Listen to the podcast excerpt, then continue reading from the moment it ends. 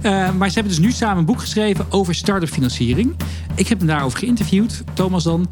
En ik ben eh, blown away. Want het boek is echt, als je op zoek bent naar kapitaal start-up... of wil investeren in start-ups als angel investor... is dit echt een must-read. In de wereld van businessboeken zijn er boeken die je gelezen moet hebben. Boeken waar iedereen het over heeft. En boeken die je liever laat liggen. Thijs Peters en Remy Gilling gidsen je door de jungle van nieuwe businessboeken. In de Business Books podcast. Dames en heren, van harte welkom bij de 34ste en allerlaatste aflevering van de Business Books podcast van MT Sprout. De podcast die je bijpraat over de beste, de leukste en de meest leerzame businessboeken van het moment. Mijn naam is Thijs Peters, hoofdredacteur van Good Habits en tegenover mij zit Remy Gieling, dagvoorzitter, presentator, podcasthost en oprichter van AI.nl. Het audio-design van deze aflevering wordt als vanouds verzorgd door voicebooking.com. In deze allerlaatste aflevering bespreken we het boek 4000 Weeks van Oliver Burkeman. Over de onzin van time management doken we in de cryptovaluta, of crypto-netwerken, hoe wil je het ook noemen, met het boek The Infinite Machine: How an Army of Crypto Hackers is Building the Next Internet with Ethereum. En spraken we met ondernemer Thomas Mensink over het boek Startup Funding, dat hij schreef samen met Sjoerd Mol en kijken we natuurlijk terug op 34 geweldige afleveringen van de Business Books podcast. Ja, en nou kreeg ik uh, steeds meer fanmail, Remy. Bijvoorbeeld Arnold, die uh, stuurde mij een berichtje via LinkedIn. Waar blijft de volgende aflevering? Ja, we hebben lang gewacht. Ik heb hem net, uh, net geappt. Nee, er komt een nieuwe aan. Maar nog niet verklapt dat het de allerlaatste was. Ja. Ik kreeg ook op een gegeven moment screen dumps van mensen... die ons als best beluisterde podcast in hun Spotify-lijst hadden. Oh ja, van eind van het jaar krijg je dat, hè? 2021. ja. Nou ja, en dan heb- stoppen we. Ja. Waarom, Remy? ja, het heeft een beetje een aan. Ja, wil je, wil, je, wil, je de, wil je de opgesmukte versie weten of wil je de echte reden weten, Thijs? De, gewoon de opgesmukte versie. De laten we, laten Nou, we hebben, weet je, we hebben 34 fantastische opnames gedaan. De eerste was exact vier jaar geleden, maart 2018. Wie spraken we toen, weet je nog? Eh, Eric Rees was dat. Een van de, en ik denk toch een van onze grootste namen. Ja. Begin met je hoogtepunt. En ja. nou ja, we waren natuurlijk vrij vroeg bij. Podcast, dat kun je je nu eigenlijk niet voorstellen. Maar dat was vier jaar geleden helemaal nog niet Nee, niet, niet Adam groot. Curry was daar al jaren daarvoor mee bezig. En toen zijn wij een beetje, hebben we een beetje het, het, het, het treintje eh, afgewacht. En toen hij een klein beetje begon te rijden, toen zijn we erop gesprongen. En jij was toen hoofdredacteur van het managementteam. Ja. Eh, eh, en ik van Sprout. En we zaten elke dag op kantoor een beetje naar elkaar te koekeloeren. En we dachten, ja, we moeten misschien ook maar eens een keer wat gaan doen. Maar ja, wat? Ja, we zagen een enorme kasten met boeken. Die ons elke dag eh, werden toegestuurd door allerlei uitgevers. Die wilden dat we iets over schreven waar we helemaal geen zin in hadden. Dachten we, nou, laten we ze maar gewoon gaan bespreken. En het, gra- het grappige is dat ik die boeken van die eerste uitzending... die staan me allemaal nog helder voor de geest. Ja, wat, wa- wat, wat waren ze ook alweer? Eh, het boek van eh, Het Juiste Moment van Daniel Pink Oeh, is over timing. Ja, was een erg ja, leuk ja. boek. Nou, we hadden een interview met Eric Rees. Ja, het is goed. Max Tegmark. Ja, artificial intelligence met nieuwe paradepaardjes zat er Precies. gewoon al in. Live 3.0. Ja, daar ligt dus de bron van jouw nieuwe bedrijf. Denk ik, de wortels van je nieuwe bedrijf. Dat moet wel. En we hadden Jan van Zetten live in de Ik uitzending. weet nog, ik, ben, ik was toen live op een eventje waar die was. En toen had ik een microfoon aan mijn iPhone gekoppeld en onder zijn snoet, zijn snoet ge- geschoven. Jeetje, Mina, 2018 joh, wat is er een hoop gebeurd in die tijd. Wat, even, ja, misschien eventjes een paar, paar hoogtepunten doornemen. We gaan straks nog eventjes, de, aan het einde gaan we nog eventjes een echte de, de, de lijst doornemen. Maar is er iemand die je speciaal wil bedanken? Die, die zeg maar een soort van rode draad misschien wel is geweest in al die jaren? Tot het moment dat hij zijn eigen podcast eh, begon en, eh, en- mijn co-presentator eh, kaapte, was dat Hans Jansen. Die heeft ons zeker in het begin heel erg geholpen met de juiste gasten af en toe. Net, net dat zetje te geven of die aanbeveling. Ja. Ja. Ja, ja, ja, nee, absoluut. En hij, hij is natuurlijk ook de reden geweest dat wij uiteindelijk met Barack Obama op de foto zijn geweest. Ja, precies. Ook fantastisch. Waar ik nog Eh, steeds, nog steeds mensen die ik thuis uitnodig, heel subtiel er langs leid in de hoop dat ze er een oog op valt. dat ik het verhaal kan je, je weet dat je er niet op social mag zetten, hè? Dat is expliciet verteld. Ja, ja, Ali B heeft het wel gedaan. Maar goed, we weten ook wat er met Ali B is gebeurd. Dus Ali B doet wel wat meer dingen die, eh, die, niet, die, eh, niet door de beugel kunnen. Eh, Jente en eh, Gijs en Max van Voicebooking. Ja, jarenlang alle ja, die de editors hebben gedaan. Al dat enorme gelul van ons hebben geknipt tot een, Oh, tot een ja, luisterbaar eh, geheel. Ja, wat mensen niet weten natuurlijk is dat wij hier gewoon vijf uur lang aan het opnemen zijn. Precies. En zij knippen dat dan tot drie kwartier. Nee, maar zeker in het begin weet ik te veel versprekingen, veel dingen overnieuw. En eh, we zijn inmiddels natuurlijk gepokt en gemazeld. Maar ik werd ook wel, ik werd ook ge- gebeld of ge- geappt door Hans Jansen. Eh, de- hij wenste succes met de laatste aflevering, want ik had hem even ingelicht om dit zware nieuws eerder te kunnen verwerken. En hij zei ook van ja, maar wat moet ik nu? Hè? Want we hebben volgens mij elke aflevering hier een keer voorbij gekomen. Elke Hij was aflevering. een beetje onze, onze, onze running, eh, ja, onze, onze rode draad. De stroop op de, op, op de boterhammen. En hij eh, ging altijd de, de was ophangen tijdens onze podcast, toch? Geloof ik. ja, dat Dus zeker. denk- ja, denk dat schoonmaken. Bij ja, schoonmaken. Dat in het huis altijd heel blij mee waren als Ja, hij en, eh, toch weer en- een en- en aflevering door gemaakt. kast van een huis. Dus hij had inderdaad wel eventjes wat nodig om... een lange podcast nodig om Wel, schoonmaakje ja, precies. Door te nemen. Bij deze ook excuses aan al die mensen die, eh, Denken die van, eh, voortaan eh, eh, ja. wiens partner het huis nu niet meer schoonmaakt omdat er geen podcast te beluisteren over was. Heb je een podcastserie die je nu aan het luisteren bent... waarvan je zegt, nou, is een goede vervanger?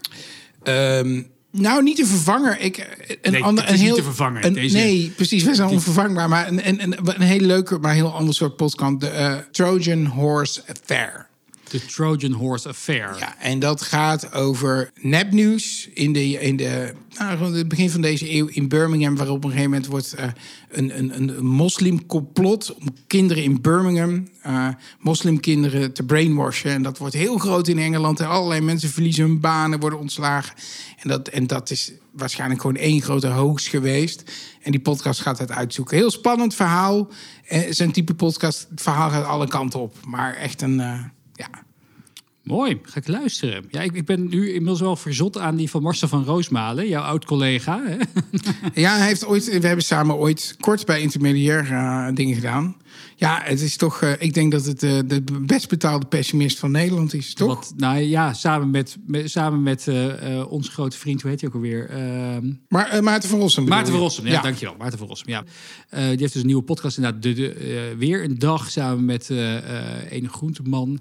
Eh, en die is, ja, het is, het is elke dag weer smullen. Dus mocht je nou helemaal in zak en as zijn dat je inderdaad vandaag, eh, eh, dat je na vandaag geen Business Books podcast meer hebt, dan kan ik je die alsnog van harte aanbevelen. En anders is nog altijd hè, de, de, de, de, Business Boeken podcast van Ben Tichelaar, waar je ook regelmatig te horen bent, Thijs.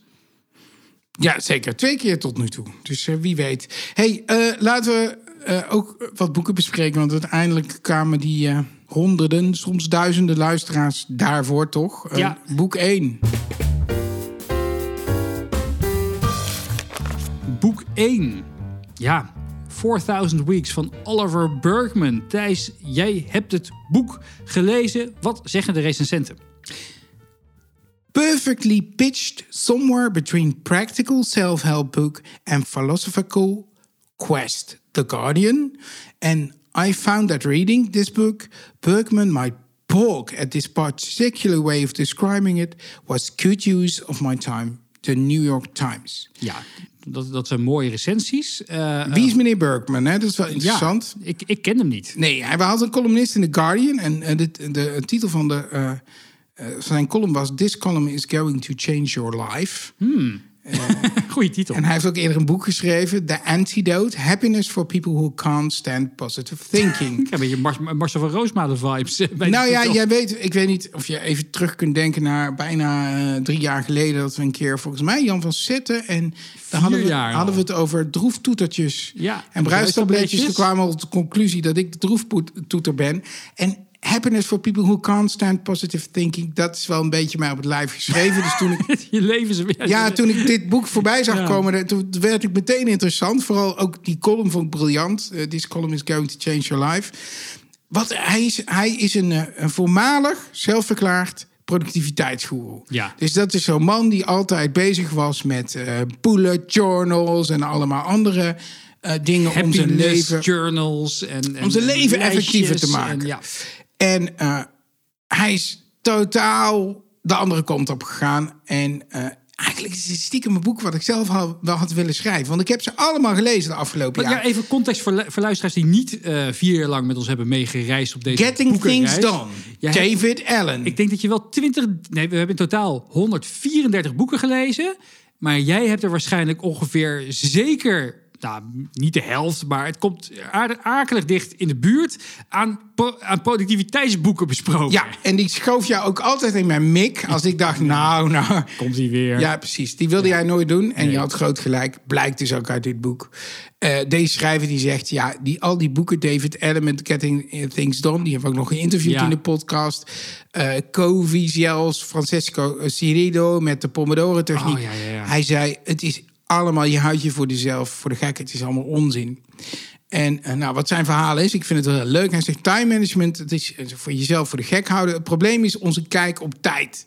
Voor de 17e eeuw, dan was je een boer en dan, eh, dan ging je naar je veldje... en dan ging gaf je de schapen te eten, je ging je graan naar binnen halen... en daarna had je de middag vrij en dan ging je een beetje... Op een, nou, ging je aan de rivier zitten, ging je een beetje je pootje baden Vissen, weet ik het. vissen, op, op, op een strootje kouwen. En dan was het dus tijd gleed voorbij toen nog. Eh, maar op, toen kwam de industriële in- eh, eh, revolutie en toen begon de tijd te tikken. Want geld was ineens geld. tijd was geld. Ja. Want je ging in een fabriek werken en je moest acht uur werken. Je kreeg per uur betaald. En dat heeft in ons brein iets gedaan waarin tijd dus in geld wordt uitgedrukt. Het gevolg is dat wij dus vinden dat als je niets doet, dat je je, nou, je, je tijd niet nuttig besteedt. Dus zonde, zonde van de tijd, zonde van het geld. Ja, Dus wat we doen nu, als we tijd krijgen. Hè, ik, ik weet niet, eh, John Maynard Keynes, de beroemde econoom, had op een gegeven moment in de jaren 30 bedacht. Nou, de economische groei die gaat zo hard dat wij straks. Als in, de, in, de, na, in, de- in de jaren 50, 60, van de, de, de einde, de tweede helft van de 20e eeuw, hoeven wij nog maar drie dagen in de week te werken of twee dagen. Ja. Want we zijn zo productief. Maar ons brein werkt zo dat we die tijd willen vullen. Want anders is het zonde van de tijd. En dat doen we zelfs in onze vrije tijd. Hè? Ik bedoel, als wij vrije tijd hebben, dan gaan we eh, op een cruise. Of we gaan naar Egypte. We willen alles gaan we zien. yoga, gaan we, gaan we Precies. mindfulness dingetjes We, doen. Ja, we hebben extreem last van FOMO. ja, ja. Nou, en hij de zegt- hele op social media natuurlijk ook erbij. Ja. En FOMO sucks, zegt hij. Maar goed, wat hij ook zegt, hij zei... eh, dus wat wij proberen is telkens die tijd efficiënter in te dienen... om al onze dromen waar te maken. Eh, we gaan bullet journals bijhouden. We gaan onze to-do-lijstjes langer maken. We proberen zo meer mogelijk dingen te doen. En hij zegt, ja, dat is eigenlijk heel dom. Want één, het werkt niet. Je e-mailbox, e-mailbox eh, eh, alle strategie om je e-mailbox leeg te halen... vergeet het. Uiteindelijk krijg je toch altijd meer werk. En hij zei, de realiteit is gewoon... Je moet gewoon harde keuzes maken. Als je A gaat doen, als je we gaan A doen, dan kun je B niet doen als je besluit dat je podcast gaat maken. ja, Dan kun je geen eh, eh, beroemde operazanger worden, want daar heb je dan geen tijd meer voor. daar is het misgegaan. Ja, precies. Ja, dan gaan we het dan toch moeten doen. Maar, dus, en, en, maar dat, dat klinkt heel makkelijk wat ik nu zeg. Maar het is wel zo. Nee, natuurlijk Kijk maar eens hoe jij door een dag denkt. Je zegt heel vaak ja tegen dingen die je eigenlijk helemaal niet moet doen. Of eigenlijk niet kan doen, want je hebt geen tijd. Maar je zegt tegen te veel dingen ja vanwege die FOMO-angst. En, en zijn boek gaat er nu over. Besef nou maar gewoon, je hebt in je leven, als je uitgaat van een jaar of 79, 80, 4000 weken. Dat is best weinig. Dat is alles. Je hebt, weinig? je hebt 4000 zaterdagen. En hij zegt ook, alles doe je een laatste keer. Hè? Je hebt een laatste keer seks, je gaat een laatste keer... eh, alles, ja. Podcasten? Maar je weet niet wanneer dat is, hè? Nee. Dat is het moeilijke. Dus dit is eigenlijk een boek wat veel meer zegt. Je moet weer in dat, in dat moment gaan leven. En je moet eh, beseffen dat je gewoon keuzes maakt. En, eh, en ik, vond, ik vond het een heel grappig boek. Eén, het relativeerde. Hij maakt ook echt... Hij heeft, hij heeft alles geprobeerd. Die Pomodoro-techniek van die 25, 5 minuten. En eigenlijk Heb je je... ook nog een tijdje gedaan? Heb ik ook nog gedaan. Ja. En dan heb ik ook gezegd dat het hartstikke goed werkte. Maar hij zegt, ach man, het, uiteindelijk heb je 4000 weken... en dan ben je bezig met, met, een, met een tomaten kookwekker. Waar ben je mee bezig? Doe is, normaal. dat, is dat nou zonde van je tijd? Dat je je tijd aan het indelen Ja. bent met een kookwekker... terwijl je ook Oh. iets anders had kunnen doen. Nee, je hebt- Leuk boek. Je hebt helemaal gelijk. Ik, ik wil dit lezen. Ik vind het, wat- ik vind het mooi. Dank dat, je deze, dat, je, dat jij dit hebt gekozen als afsluiter, eh, Thijs. Ja, het is Voor een- wie is dit boek? nou ja, Voor mij dus. voor jou, voor mij ook voor iedereen die probeert... elke dag meer items op zijn takenlijstje te proppen. Ja. Niet doen. Ehm, Wanneer moet je het lezen? Ik zou dit op zondagmiddag doen voordat je week begint. Dan heb je in één keer de, de eerste nieuwe week van de rest van je leven. Heb je, nog een, En, hele les hoeveel, hoeveel heb jij er nog? Hoeveel heb jij er nog? Misschien heb jij nog Vraag wat? aan weken. Oh, oef. Ja, twee- 2500 misschien nog. Ik, ik, eh, ik in een krappe 2000. Dus Als mijn lever het volhoudt, dan ik, ik zou zeggen, lees dat, lees dat boek aanstaande zondag. zo snel mogelijk. Precies, Ja, ja. Cadeautje kopen? Dit moet je kopen, want ja, het boek eh, eh, 4000 weken, het is toch een soort gedenk te scher- eh, sterven. Dat geef je niet aan iemand Nee, dat is niet, dat niet zo- netjes. Nee, dat is niet niet zo leuk. Dan gaan we naar boek 2. Ja, Startup Funding van Thomas Mensink en Sjoerd Mol. Thomas Mensink kennen we van eh, Golden Act Check. Hij is eh, ja, een van de goeroes als het aankomt op eh, start-up financiering. En eh, ontzettend leuke vent ook. En hij heeft dus een boek geschreven samen met Sjoerd Mol. Sjoerd Mol heeft dat boek gemaakt. Ik weet niet of we hem besproken hebben in de podcast. Venture Deal Terms. Venture Capital Deal Terms gaat een heel, heel juridisch boek over hoe je alle clausules die je zou kunnen tegenkomen als je een, een fundingcontract moet opstellen Dat is bent. niet iets wat wij besproken hadden, denk Nee, ik. nee, het klinkt als een boek waar je echt wat aan hebt. Dus. Ja, nee, precies, precies. Eh, maar ze hebben dus nu samen een boek geschreven over start-up financiering. Eh, ik heb hem daarover geïnterviewd, Thomas dan. En eh, ik ben blown away. Want het boek is echt, als je op zoek bent naar kapitaal start-up... of wil investeren in start-ups als angel investor... is dit echt een must-read. Kijk, Ja, Thomas, je hebt samen met Sjoerd Mol het boek geschreven Startup Funding. Alles over venture capital en hoe je het binnenhaalt. Eh even heel kort over je eigen achtergrond. Hoe ben je zo in de wereld van venture capital gerold? Ja, ehm, dat is een goede vraag. Ik, eh, ik ben ooit, ik heb technische bedrijfskunde gestudeerd in Twente. En daar was een keer een lezing van een, eh, van een VC, van Prime Ventures. Een van de grootste, eh, eh, ja, misschien wel meest bekende fondsen in, in Nederland. Heeft natuurlijk ook geïnvesteerd in, in Takeaway bijvoorbeeld. En eh, die had echt een geweldig verhaal over het investeren in start-ups. En ik dacht, ja, dit, dit is te gek. Alles wat ik interessant vind komt hierin samen. Dus strategie en finance en ondernemerschap en, technologie. En ik dacht, hier, hier moet ik alles van weten. Dus toen heb ik zelf onderzoek gedaan naar, ehm, naar venture capital, naar de criteria die VC's gebruiken. En op die manier heb ik ook langzaamaan het netwerk binnen eh, de, zeg maar de Nederlandse venture capital scene eh, opgebouwd. Dus dit, dit is al tien jaar geleden eh, dat ik begon zeg maar, ermee. Maar nu ja, nog steeds. Ik spreek dagelijks eigenlijk wel Nederlandse investeerders. natuurlijk ook veel ondernemers. Die help ik dan om introducties te krijgen met die, met die investeerders. Nou, je hoort ook van heel veel mensen dat ze geïnteresseerd zijn in het investeren in start-ups. Dat is natuurlijk een spannende wereld. Maar het is ook wel een lastige wereld om in te rollen. Eh, hoe heb jij dat dan zo gedaan als, als student? Weet je, dat er nog geen kapitaal om mee aan te komen. Nee, klopt. Ik heb gewoon de studententroef eh, gespeeld eh, natuurlijk. Dus ik, ik zei, jongens, ik ben echt met een heel interessant onderzoek bezig. En help me even met, eh, met wat, met wat vragenlijsten en dat soort dingen. En ik, interviews heb ik zelfs gedaan. En, eh, dus het was, het was wel echt een klusje om, eh, om er een stuk of 10, 15 te spreken. Maar het was wel echt heel leuk. En het, was, ja, het, heeft gewoon even wat doorzettingsvermogen nodig. En, nu, nu merk ik zelf ook, ik word best wel vaak gevraagd... ook door studenten die, eh, die onderzoek willen doen naar eh, venture capital... omdat we daar gewoon heel veel data over verzamelen. Ja, je zit er niet altijd op te wachten, want je bent ook gewoon druk. En dat zijn die investeerders natuurlijk ook allemaal. Dus het, het kost even wat. eh, Maar ik, ik moet zeggen, de sommige, en ik denk wel zelfs de meeste van de tijd toen... spreek ik nu nog steeds regelmatig. Dus het is, ja, je, je bouwt toch wel een soort relatie op. Ehm, nou, allereerst, het boek is geweldig goed geschreven. Het is echt allesomvattend. Ik heb er met heel veel plezier doorheen, eh, door, ben, ik- er doorheen gegaan. Ik denk dat het geweldig waardevol is voor aan de ene kant ondernemers die op zoek zijn naar groeikapitaal. En anderzijds eh, eh, ook mensen die geïnteresseerd zijn in het investeren in start-ups. Wat was voor jou de belangrijkste reden om dit te gaan schrijven? Ja, ik moet zeggen, Sjoerd kwam met het idee. Sjoerd Mol is eh start-up en venture capital advocaat. En die ziet natuurlijk al die, eh, al die term sheets eh, voorbij komen. Dus hij weet precies hoe zo'n deal gestructureerd wordt... maar ook dus wat consequenties zijn van bepaalde voorwaarden in zo'n deal.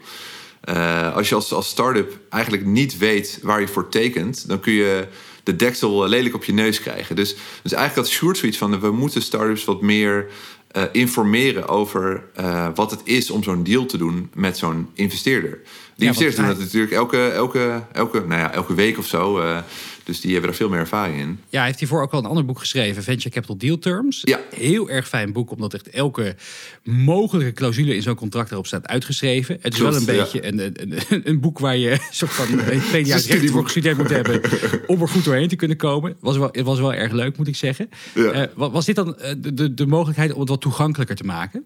Ja, dat ook. We hebben het ook in, in het Nederlands geschreven, bijvoorbeeld nu. Dus, dus dat, dat helpt misschien ook wat. Maar we hebben het ook iets breder getrokken.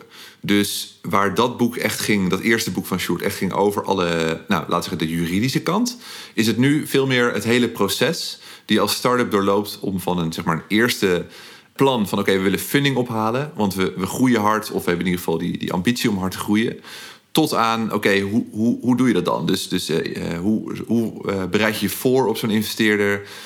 Hoe pak je dat fundraising nou aan? Dat, dat, je, nou ja, dat het slim is, dat je het misschien met meerdere investeerders parallel doet. Eh, en daarna komt natuurlijk pas dat hele juridische stuk eigenlijk. Dus er zit nog veel meer voor. Dat is, dat is denk ik ook wat meer eh, waar, mijn expertise om de hoek eh, komt kijken. En, en eigenlijk vond het heel mooi op elkaar inklikken. Dus aan de ene kant die voorbereiding, aan de andere kant ook nou ja, zorg dat je weet wat je, wat je tekent en, en wat de consequenties zijn. En ook ja, daarna nog dat stukje. Dus, eh, dus je gaat eh, verschillende rondes ophalen. Zeker als het, als het goed gaat, dan kom je, kom je nog een keer terug bij investeerders. Of eh, je gaat op zoek naar nieuwe investeerders. Uiteindelijk komt er ook een keer een exit om de hoek kijken als alles goed gaat. Dus, dus we hebben nu in dit boek geprobeerd eigenlijk die hele journey mee te nemen van, van start tot, tot eind. Ja, wat ook opvalt is dat als je vaak met mensen praat over het investeren in start-ups, dat er een soort van illusie is dat er gewoon maar één weg is. Hè? Je, je geeft geld en je krijgt aandelen ervoor terug. Ja, ja. Maar zo blijkt ook uit het boek, er zijn wel honderd verschillende methodes. Van, eh, van, van, van, van, van convertibles tot, eh, tot, eh, tot, tot venture capital debt. Ik, ik heb van allerlei termen voorbij zien komen. Ja, ja, klopt. Ja, maar wat is in Nederland de meest veel voorkomende vorm? Ja, het, het hangt er denk ik een beetje vanaf ook in welke fase je kijkt. Misschien ook wat voor type bedrijf het is. Ik zou zeggen, alles wat, eh, wat al een bepaalde omvang heeft... dat is toch wel vaak gewoon een aandelentransactie. Dus zeg maar een simpele equity deal. Eh, dus een investeerder geeft geld en krijgt aandelen daarvoor terug... Uh, maar zeker in die vroege fase zijn er denk ik ook steeds meer smaakjes bijgekomen. Dus je had Ja. een convertible is een paar jaar geleden wel denk ik steeds populairder geworden. Dus dan, dan begint het eigenlijk als een lening. Maar dan wordt het een keer een, een aandelenpakketje. Vaak bij een volgende ronde. want dan pas heb je het over een waardering van de start-up. Ja, Ehm, dat is ook een hele interessante. En dat weten volgens mij veel mensen nog niet. Is dat dat, dat dus inderdaad wat populairder is geworden de afgelopen jaren. Ja. Eh, wat is natuurlijk heel lastig als een bedrijf net eh, een half jaar of een jaar bezig is. om daar waardering op te plakken. Ja, Je hebt misschien precies. Niet zoveel klanten, Ja. je hebt nog niet zoveel tractie. Misschien is het team nog niet helemaal compleet. Eh, dus je geeft nou eigenlijk een soort van lening met de afspraak dat je, eh, als er binnen een afzienbare tijd een investering aan zit te komen, ja. eh, dat jij dan als eerste mee mag doen met die ronde. En dat je ook nog eens korting krijgt op de dan afgesproken prijs. Ja, precies. Eigenlijk wat je dan tot dan toe hebt geïnvesteerd, dat converteert, daarom heet het ook convertible, tegen zeg maar, ja, dan de, de, de waardering. En dan krijg je nog een soort korting inderdaad. En, en soms heb je nog wel, spreek je nog wat andere dingetjes af hoor. Maar het voordeel is natuurlijk dat je die hele waarderingsdiscussie een beetje uitstelt. Want ja, inderdaad, wat je zegt, het is nu nog heel vroeg. Wat is het waard? Geen idee. Eh, dus eh, dat eh, kan je lekker uitstellen tot, nou ja, tot je wat, wat meer data ook hebt om dat misschien beter te kunnen onderbouwen. Ehm, het, het, ja, het scheelt soms ook wel in tijd en, en complexiteit en ook kosten. Want eh, zo'n convertible bijvoorbeeld, daar hoef je niet voor naar de notaris. Het is eigenlijk een vrij standaard contractje.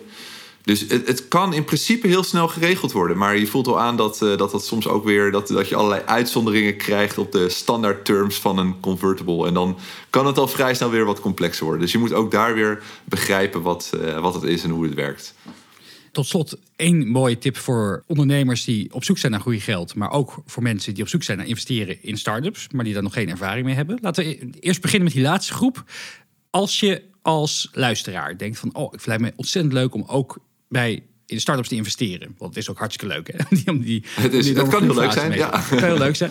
Kan, kan ook veel, kan ook veel zorg opleveren. Eh, ja, wat, wat, waar moeten mensen beginnen? Wat, wat is, wat is hè, met je, al jouw ervaring en kennis? Wat is nou een goed startpunt daarin?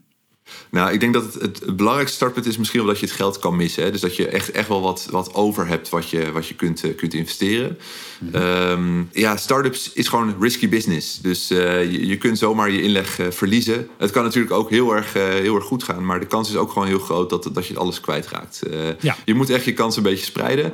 En ik denk dat je dat het beste doet, zeker ook om gewoon goede start-ups te vinden die uh, geld opzoeken en die dat ook van jou uh, willen als, zeg maar, als, als beginnende investeerder. Ik denk dat het slim is om dan even aan te haken bij wat, um, uh, wat meer ervaren angels, noem je dat dan, hè? die angel investors. omdat die, die hebben het vaak al een paar keer gedaan. Die, nou, die kennen misschien de, het klappen van de zweep al een beetje of, of de, de valkuilen en dat soort dingen. En die hebben misschien zitten ook wat makkelijker in dat netwerk, waarbij je dus ja, dealflow heet dat dan. Hè? Dus, dus de, de, de nieuwe deals opgestuurd uh, krijgt. Ja, dus als, dus... Je, als je alles in je eentje wil doen, dan is het lastig. Ik zou gewoon eerst beginnen om, om even mee te investeren met een paar investeerders, met een paar andere angels die jij goed vindt of, of goed kent en een beetje vertrouwt en dat soort dingen. En dan, dan leer je echt wel veel, denk ik, van, van wat werkt en wat niet werkt. En, en hoeveel geld moet je dan denken? Wat, wat zijn een beetje logische instapbedragen? Ik denk dat je al best wel veel kan doen met bijvoorbeeld 25 50.000 misschien. En minder dan dat wordt het weer lastig. Want dan, ik denk dat een start-up dan, want die zoekt dan misschien, uh, nou laten we zeggen, 2,5 of 5 ton in zo'n eerste ronde. Mhm. Uh, als je dat moet hebben van allemaal tienduizendjes, zeg maar, dan, dan heb je gewoon weer een hele grote groep aan investeerders. Dat is ook weer niet ideaal. Die willen gewoon ook wat sneller stappen zetten, natuurlijk. Hè, sneller die ronde al, uh, al rond hebben. Dus ik denk dat uh, vanaf 25.000, ik denk dat dat op zich een prima eerste inleg is. En dat, dat, dat doe je natuurlijk met meer mensen dan tegelijk.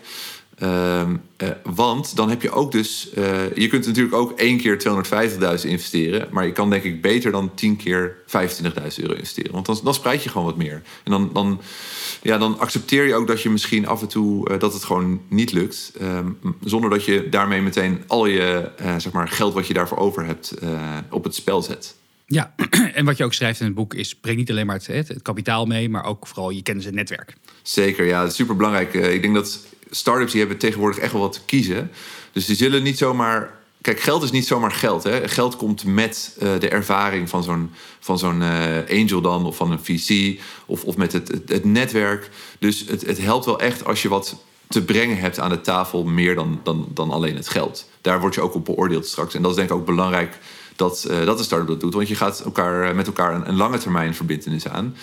Uh, dat betekent niet dat die, dat die toegevoegde waarde ook meteen die hele cyclus hetzelfde zal blijven. Die zal misschien het begin veel meer zijn dan op het einde.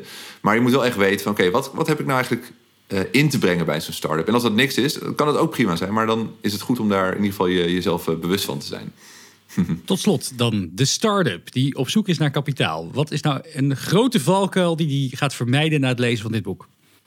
Nou, ik denk, en dat, dat merk ik ook wel in de gesprekken die ik zelf veel heb met, met investeerders, uh, ook voor, voor mijn eigen podcast, is dat heel veel investeerders die zeggen: het is helemaal niet erg om al vroeg met investeerders in contact uh, te komen. Om even te sparren en feedback te krijgen en dat soort dingen. Uh, om, om alvast die relatie ook op te bouwen.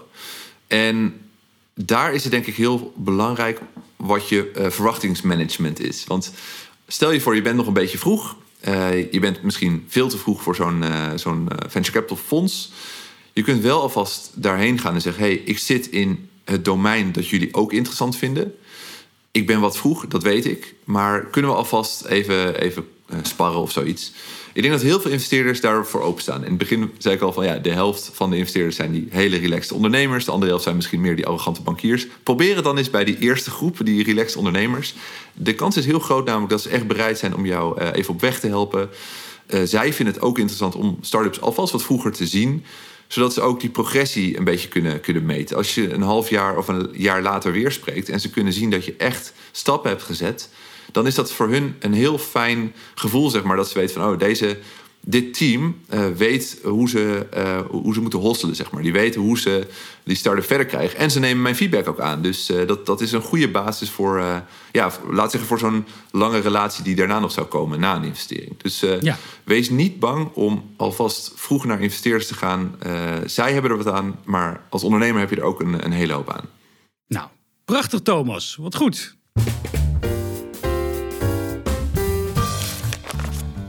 Dan gaan we naar boek 3. The Infinite Machine. How an Army of Crypto Hackers is Building the Next Internet with Ethereum.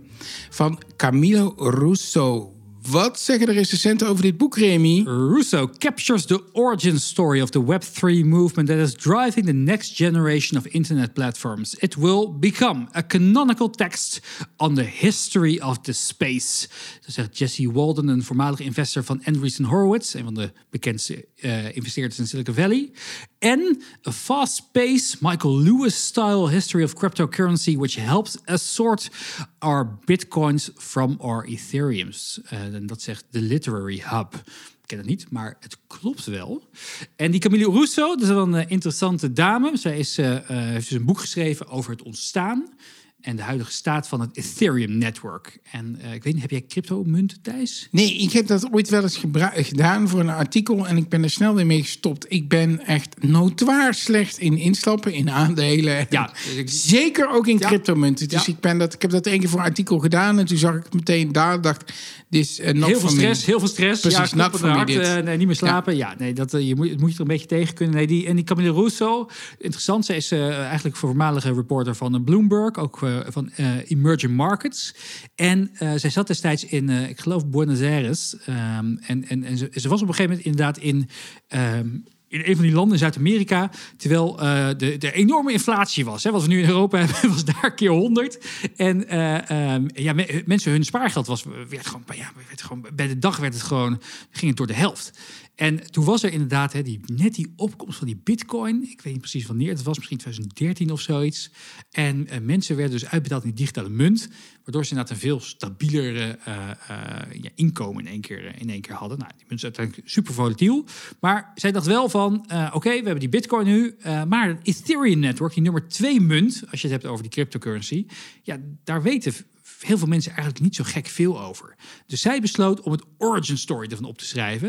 Um, en ik dacht, ja, ik weet er ook niet zoveel gek veel van. Uh, kom erop. En ik heb genoten. Ja? Ja, leuk. Je hebt ook meteen heel veel geïnvesteerd in Ethereum? Nee, nog steeds niet. Nee. Uh, grappig, de markt was inderdaad laatst wel weer uh, flink gedaald. Toen dacht ik, misschien moet ik wat kopen. Maar uh, ik, ben, ik, ik kom er gewoon niet aan toe. Oké, okay. nou, tijd. Vertel me eerst eens de geschiedenis van Ethereum. Ja, nou, het, het gaat eigenlijk over... Kijk, de, de main story, de, de, de main protagonist in het, in het Ethereum story is altijd de ene Vatili... Dmitrievich. Jij weet vast veel beter hoe je dat moet uitspreken. Oftewel, Dmitrievich. Ja, nou, dat klinkt ook mooi. Uh, maar iedereen noemt hem Vitalik uh, Buterin. En dat is een uh, Russisch-Canadese programmeur. En ook schrijver. En die is eigenlijk een van de geestesvaders van het Ethereum-network. En um, het is wel een eigenaardige vent. Je moet hem ook, je moet eigenlijk een keer een YouTube-filmpje van hem bekijken. Dus, hey, je, je, ziet ook gelijk, deze man was, was destined of om het gesticht in te gaan... of om briljante dingen te gaan doen. Nou, gelukkig is het het laatste geworden. Maar het is een hele eigenaardige, gekke programmeur komt uit, komt uit Rusland, opgegroeid in, in Canada. En, en, hij zag al heel vroeg van nou, dat, die, die, dat, dat, dat nieuwe decentrale computernetwerk gebaseerd op de blockchain-technologie, dat is gaaf. Ik wil er wat mee. Hij wist niet zo goed wat. Dus hij begon maar uh, stukjes te schrijven erover. Hij had een soort, hij liet ze ook betalen in crypto per artikel. Dan had hij een artikeltje geschreven. Mensen konden pas lezen als er genoeg crypto-muntjes voor betaald werden. Een paar tientjes ging het dan over. Hij heeft op een gegeven moment ook nog het Bitcoin Magazine opgericht met een paar, met een paar mensen. Dus hij begon door die artikelen en, en hij ging wat whitepapers maken voor, uh, voor nieuwe, voor nieuwe net, crypto-netwerken. Uh, begon een beetje naam te maken in die wereld. En hij, hij sloot zich aan bij een aantal initiatieven, maar hij had niet het idee: oké, dit is nou echt, dit is nou echt de next big thing. En hij had het idee van: wat nou als we een nieuwe, ja, bijna een nieuwe programmeertaal maken. Hè? Net zoals je hebt, je hebt JavaScript, heb je misschien wel eens van gehoord. JavaScript is een technologie dat, die zit achter Facebook en achter Spotify, achter de grote techplatformen. Die zijn deels gemaakt met JavaScript. Hij dacht, als we nou een JavaScript maken, maar dan op de blockchain. Dat je echt alles kon programmeren wat je maar wilde met gebruik van die blockchain technologie. Dat kon, dat kon niet met Bitcoin, want Bitcoin is alleen maar hè, een, een valutaatje wat je heen en weer kan sturen. En hij heeft dus uh, de basis daarmee gelegd voor het Ethereum network. En het mooie van het Ethereum network, dat wist ik ook niet helemaal goed, is dat het is dus een, een, een, een het is losgekoppeld, het, het protocol, hè, die programmatuur is losgekoppeld van, van de valuta. Dus je hebt een soort netwerk, daar kan je alles opbouwen wat je maar wil. Net zoals met de JavaScript. En dat bouw je in een... Op de Ethereum network. Met, met, moet je een beetje voor kunnen programmeren. Maar dat, met, met, met een beetje kennis en de tijd kan je, kan je dat doen. Dan kan je een programma erop maken. En vervolgens laat je dat draaien met dus de, die currency, die ether, die, die munt, die, die ether munt. En het boek gaat dus erover dat hij dat bedenkt, dat hij dat eh, vervolgens een team verzamelt die daar ook in geloven. Dat ze met heel veel mensen in een soort huisje in Zwitserland dat, dat, dat netwerk aan het bouwen zijn. Dat, dat, het, eh, dat, dat er een soort koep komt van, van boze programmeurs die een van de co-founders eruit werkt. Dat het netwerk lanceert, dat er allemaal mensen zijn die die muntjes gaan minen eh, en, en, daar, en daar heel rijk mee worden. Maar ook dat, dat, dat, ze, dat het een hele logge organisatie begint te worden, waar, waar heel veel politiek bij komt kijken. En dat is wel mooi, hè, dat je vaak hebt over eh, die, ja, die decentrale dingen en, en, en, en Web3 en nieuwe dingen. En, en mensen die, die eh, het is allemaal decentraal en het is allemaal, weet je, iedereen kan, heeft evenveel zeggenschap. Nou, het is gewoon net zo'n logge organisatie Ja? als de eerstvolgende corporate die je tegenkomt. En dat is wel heel leuk om te zien. En maar, maar wa- wat is nou het, het het nut van zo'n decentraal computernetwerk? Ik snap de Ether, de munt snap ik. Dat is Ja. net als bitcoin. Dus Kan allerlei je speculeren? mensen die er lekker mee speculeren. Het is net als goud of... eh, Ja. hè? Nou, wat je, wat je bijvoorbeeld zou kunnen doen, is dat je zegt van eh, op dit moment Spotify bijvoorbeeld. Of sorry, laten we, laten we YouTube als voorbeeld nemen. YouTube is een platform waar mensen filmpjes op zetten. Andere mensen kijken die filmpjes. eh, en YouTube die, die host die filmpjes en die, eh, die zet er advertenties voor. En de maker die krijgt dan, weet je wel, misschien een, eh, een cent per duizend views. Ik weet Ja, niet zoiets, het is. geloof ik, 10.000 ja. views, ja, heel weinig. Wat je zou kunnen doen met, de, eh, met zo'n blockchain-netwerk, is dat je YouTube gaat namaken, maar dat je zegt van ehm, eh, de mensen die daar aan meewerken, dus de mensen die aan het uploaden zijn, de mensen die het hosten, misschien zelfs de mensen die er tijd aan besteden om dat te kijken, die gaan dus uitbetaald worden naar, naar ratio van hun, naar ratio hun van, van de inspanningen. Eh, en dat zou je natuurlijk ook kunnen doen met muziek of met banken of met die, die, die kunstmarkt, die NFT's tegenwoordig. Dus je kunt mensen naar ratio gaan belonen. Dat is denk ik een van de, van een, van, van, van de mooie dingen van, van zo'n netwerk. Ehm, maar waar, ja, waar het naartoe gaat, dat, dat is nog niet helemaal duidelijk. Maar hij noemt het dus de infinite machine. Dus je kan er oneindig veel mogelijkheden mee doen. Ehm, eh, eh, want je kan dus zelf dingen op programmeren. Er is een klein nadeel aan. De berekeningen die je daarop uit laat voeren, hè, om bijvoorbeeld inderdaad zo'n filmpje op, op, op die blockchain te zetten, of om dat dan te gaan kijken, dan moet je, eh dan moet iemand natuurlijk die, die berekening moeten worden uitgezet, dan moet worden op die blockchain moet dat worden gedaan. En dan moet je dus een bepaalde prijs voor betalen, de zogeheten gas fee. En die fluctueert nogal bij de Ethereum network. Maar die, die moet betaald worden met Ether, die Ja. weer gemined moet worden door andere mensen. ja, exact. Ja, en dan kan natuurlijk, als, als er te weinig Ether in omloop is, dan gaat die prijs natuurlijk omhoog. Precies. Dan wordt het heel duur om te programmeren. Ja, dus ik had laatst inderdaad een, voor grap inderdaad ook een keer even iets gekocht op die, op die, op die, op die, op die Ethereum network. Ehm, een, een domeinnaam, uh, gieling.eth, dat is een dingetje in de, in de cryptowereld. Ik dacht, we moeten bij zijn. En dat ding kostte dan 50 piek of zo. Maar dan moest je dan wel voor 100, 140 aan, aan gas fee betalen. Om dat dan vervolgens ook op de blockchain te kunnen registreren. Dus dat is een beetje het nadeel. Er zou ook weer nieuwe, goedkopere alternatieven voor. Maar ehm, ik vond het dus wel heel leuk. Ik vond het heel leerzaam. Ik begreep er in één keer veel meer van. Voor wie is dit boek?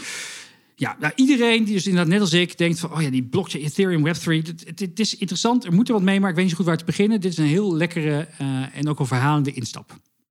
Wanneer moet je het lezen? Nee, ik vind het vakantie, vakantieboekje. Zwembad, ja. Als je, als je wel de telefoon bij de hand hebt, misschien wil je wat investeren daarna. Dus dan, Als jij, als, jij, als jij al niks gekocht hebt. ja, Een ca- cadeautje of kopen? kopen. Ehm, je hebt natuurlijk altijd in je vriendengroep een paar van die crypto-gekkies. Zeker, Die voelen ja. zich hier veel te verheven voor. Die, die, die lach je echt vierkant uit. Eh, en, en, en je hebt, hebt een totale leek. Daar is het ook niet echt voor. Dus het is echt nou, zo'n tussenboekje. Een tussenboekje. Alsof we nog niet genoeg gelezen hebben, Remy. 135 het afgelopen jaar. Ja. Zullen we de laatste, ja, afsluitend. Zullen we de, eh, de afleveringen wat ons bijgebleven nog eventjes doornemen? Ja, wat, wat, wat was het boek wat je, wat je echt niet had willen missen? Ja, ja, ja, ja, ja, ja. Eh, het boek wat je, als je echt één boek had moeten lezen van al die 135, dan is het denk ik toch wel A Billion Dollar Whale. Ja, dat Ja. was jouw, dat was jouw nummer. Oh, ik heb niemand gehoord die dat boek gelezen heeft, heeft op ons aanraden die teleurgesteld is geweest. Nee, dat was zeker een hele mooie. Wat Ja. een rollercoaster. Het ging over die, eh, die man die, eh, Die Thaise meneer die de boel... Of Maleis. hè? Maleisische Ja, de- staatsfonds heeft opgelicht voor, eh, voor 8 miljard of zo. hè? Fantastisch verhaal. Nou ja, kijk, in, in, in dat genre vond ik Bad Blood uiteindelijk... Ook heel denk ik een van de allerspannendste boeken John die we besproken hebben. Ja, was heel goed. Uh, die, die zelf uiteindelijk ook nog een rol heeft gespeeld in het verhaal en de rechtszaak die nu nog steeds loopt. Welke, welk interview is jou het meest bijgebleven? Ehm, Want we hebben ook gewoon 34 Ik, ik heb twee interviews die me echt bijgebleven zijn. Ik vond het interview met Aaron Meyer vond ik heel leuk over het boek over Netflix. Ja, dat ze vertelde dat ze eigenlijk een beetje pronkelijk ineens door Reed Hastings van Netflix gebeld Ja. wordt van goh, we vinden jouw boek leuk, wil je een keer naar onze cultuur komen kijken? Was Ja. een heel leuk onder- eh, interview. Eh, maar wat ik ook erg wel leuk vond was eh Safi Bakal. Eh, die ik toen live geïnterviewd heb op zijn hotelkamer. Dat we samen op het, aan het uiteinde van zijn bed in zijn Ja. hotelkamertje in het uh, Krasnapolski in Amsterdam. Eigenlijk, volgens mij, hebben we ruim een uur zitten praten. Eh, fascinerende man. En eh, dat was gewoon een leuke, beetje een live journalistiek nog. Dat is me ook echt bijgebleven. Scott Calloway vond ik leuk. Oh, dat je die hebt kunnen spreken. Een eigenaardige uh, business professor uit New York. Die is daarna echt door het dak gegaan qua Ja. bekendheid. Hè? Met Pivot, de podcast, samen met Carrie Swisher. Maar zijn er nou ook, want we hebben, nou ja, ik had het net over die 20 zelfhulpboeken. Ik ten net een beetje spottend. Ik heb er natuurlijk wel, wel iets aan gehad. En er zijn ook wel wat dingen die ik echt misschien. Zijn er dingen die jij echt veranderd hebt door al die boeken die je gelezen hebt in die loop der tijd? Die je echt geleerd hebt? Ehm, ik, ik vond het inhoudelijk vond het boek van Bill Gates over die climate change wel heel goed. Het legt heel goed uit wat, wat, wat de problemen zijn en wat je er mogelijk aan zou kunnen doen, maar dat ook heel lastig is. En ehm, Ik, ik heb echt iets gehad aan het boek. Ik denk dat het. eh, het waren meerdere boeken. Het was het boek van Robert McNamee. En, en een van de eerste investeerders. Zukt in, heette dat, hè? Z- Zukt, ja. zakt, ja. Eh, over Facebook. En dat was eh, voor nog de Social Dilemma op Netflix stond. En dat was het boek wat bij mij de knop omgezet heeft van... hé, hey, ik moet maar die social media, ik kap er maar mee. Ik had natuurlijk al wel over afleiden en zo hadden we wel Ja. focus van Mark Tegelaar gelezen. Dus ik wist wel dat het allemaal, hè, wat het met je deed... dat je je verslaafd maakt, dat het je tijd kost... dat het geprogrammeerd is op zo'n manier... dat je alleen maar meer tijd eraan gaat besteden. En... eh, en dus, dus dat had ik allemaal vijf, zes keer gelezen. Maar toen ik dat boek had gelezen, heb ik ook echt mijn Facebook-account afgesloten. En gedacht, jongens, het is goed. En ik, heb, maar. en ik heb daar nog geen moment spijt van gehad. Snap ik. Ik heb laatst het boek gelezen wat jij ook had aangeraden in een van die vorige afleveringen. The Contrarian over Peter Thiel. Ook een hele grote vinger in de pap bij, eh, bij, bij, bij Facebook. Net afscheid genomen volgens mij. Maar daar, zit, daar lees je ook al bij. Dat het echt met die man in, in, in de boord verrotte organisatie echt. ja, en dat schrijft, onderschrijft Scott Galloway natuurlijk ook wel. Ja, en dat, dat heb ik echt. Dat, wat heeft 100 wat hebben? Nou ja, ik heb ze niet al 135 gelezen, maar misschien heb ik er 70 gelezen. Wat heeft me dat opgeleverd? Nou, een heleboel tijd in de zin dat ik nik, geen tijd meer aan social media besteed. Ja, oké. In die tijd heb ik eh, boeken kunnen lezen, natuurlijk. Eh, ja, en dat vind ik er toch echt wel eentje. Nou, en wat ik ja, ook nog steeds wel leuk vind, is de verbinding die het brengt. Want één, ik, ik hoorde vandaag weer een andere podcast waarin iemand zei: businessboeken, dat is het walgelijkste wat er is, wat een onzin. Moet je niet lezen, dat kan ook allemaal in een A4'tje. Ben ik het gewoon echt pertinent niet mee eens. Ik vind het geweldig dat je voor 20 piek ja, gewoon de ideeën en kennis van, van, van, van jarenlange ervaring eh, eh, tot je kan nemen. Ik vind het de, echt de allerbeste investering die je ooit kan doen, is een businessboek lezen, naar mijn idee. Beter dan Ethereum? Misschien niet beter dan Ethereum. Als je vroeg was ingestapt op die 66 Nee, cent. nee, maar je hebt, je hebt wel gelijk. Maar er- zijn, ik denk dat van de 135 zaten er 35 waardeloze boeken bij en 100 die wel de moeite waard waren. Maar moet je Een ook paar hele. eerlijk zijn dat wij ze er wel op uitkozen. Hè? We hebben altijd gezegd, over hele slechte boeken willen we het niet hebben. Met een paar uitzonderingen. Als een hele Ja. grote naam een boek uitbracht, dachten we, gaan we dat toch even bespreken. En dan viel het heel erg tegen. Nou, Walter Isaacson had een niet zo'n mooi boek geschreven. nee, ja, dat was echt zonde. Dat, Simon eh, Sinek, ook een boek waarvan we dachten... die was heel erg. Ook niet, Oh, ook niet heel matig. fijn. Dus, eh, maar voor de rest hebben we eigenlijk bijna... eh, nou, toch wel heel veel goede boeken Heel veel goede boeken. Wat- En wat, dat vond ik ook nog mooi. Hè? Dat brengt gewoon verbinding. Je hebt altijd een aantal van die nerds zoals wij die soort boeken leuk vinden. En dan is het heel leuk om ze te bespreken. Het brengt in een heel selectief groepje, waarschijnlijk ook onze luisteraars, toch een beetje iets dichter bij elkaar. Dank voor het luisteren. En eh, mocht je nog leesvoor zoeken... alle 34 afleveringen blijven voorlopig gewoon op Spotify staan. Nou, zeker. Thijs, ik wil jou bedanken dat we zoveel weken met elkaar hebben doorgebracht in een studiootje. Of bij me thuis, of bij jou thuis, of, eh, of waar dan ook. Het was een waar genoegen. En ik hoop dat we in de toekomst, eh, misschien wel met Hans, Misschien komt er nog een nieuw project, ja. iets gaan doen samen. Hou dat in de gaten. Uh, volg ons gewoon op sociale media. Spotify, Spotify, nee, LinkedIn. Facebook zit ik niet in, nee. heb ik net verteld. Maar op LinkedIn, maar LinkedIn, kun je ons allebei vinden. Ontzettend bedankt voor het luisteren. Het was een genoegen. En uh, nou, niet heel graag tot de volgende keer. Maar uh, heel graag tot in real life een keer. Tot zover de Business Books Podcast. Meer afleveringen luisteren? Abonneer je via iTunes of Soundcloud en krijg een melding wanneer er een nieuwe aflevering live gaat. De Business Books Podcast is een uitgave van Sprout en Management Team en wordt geproduceerd door voicebooking.com.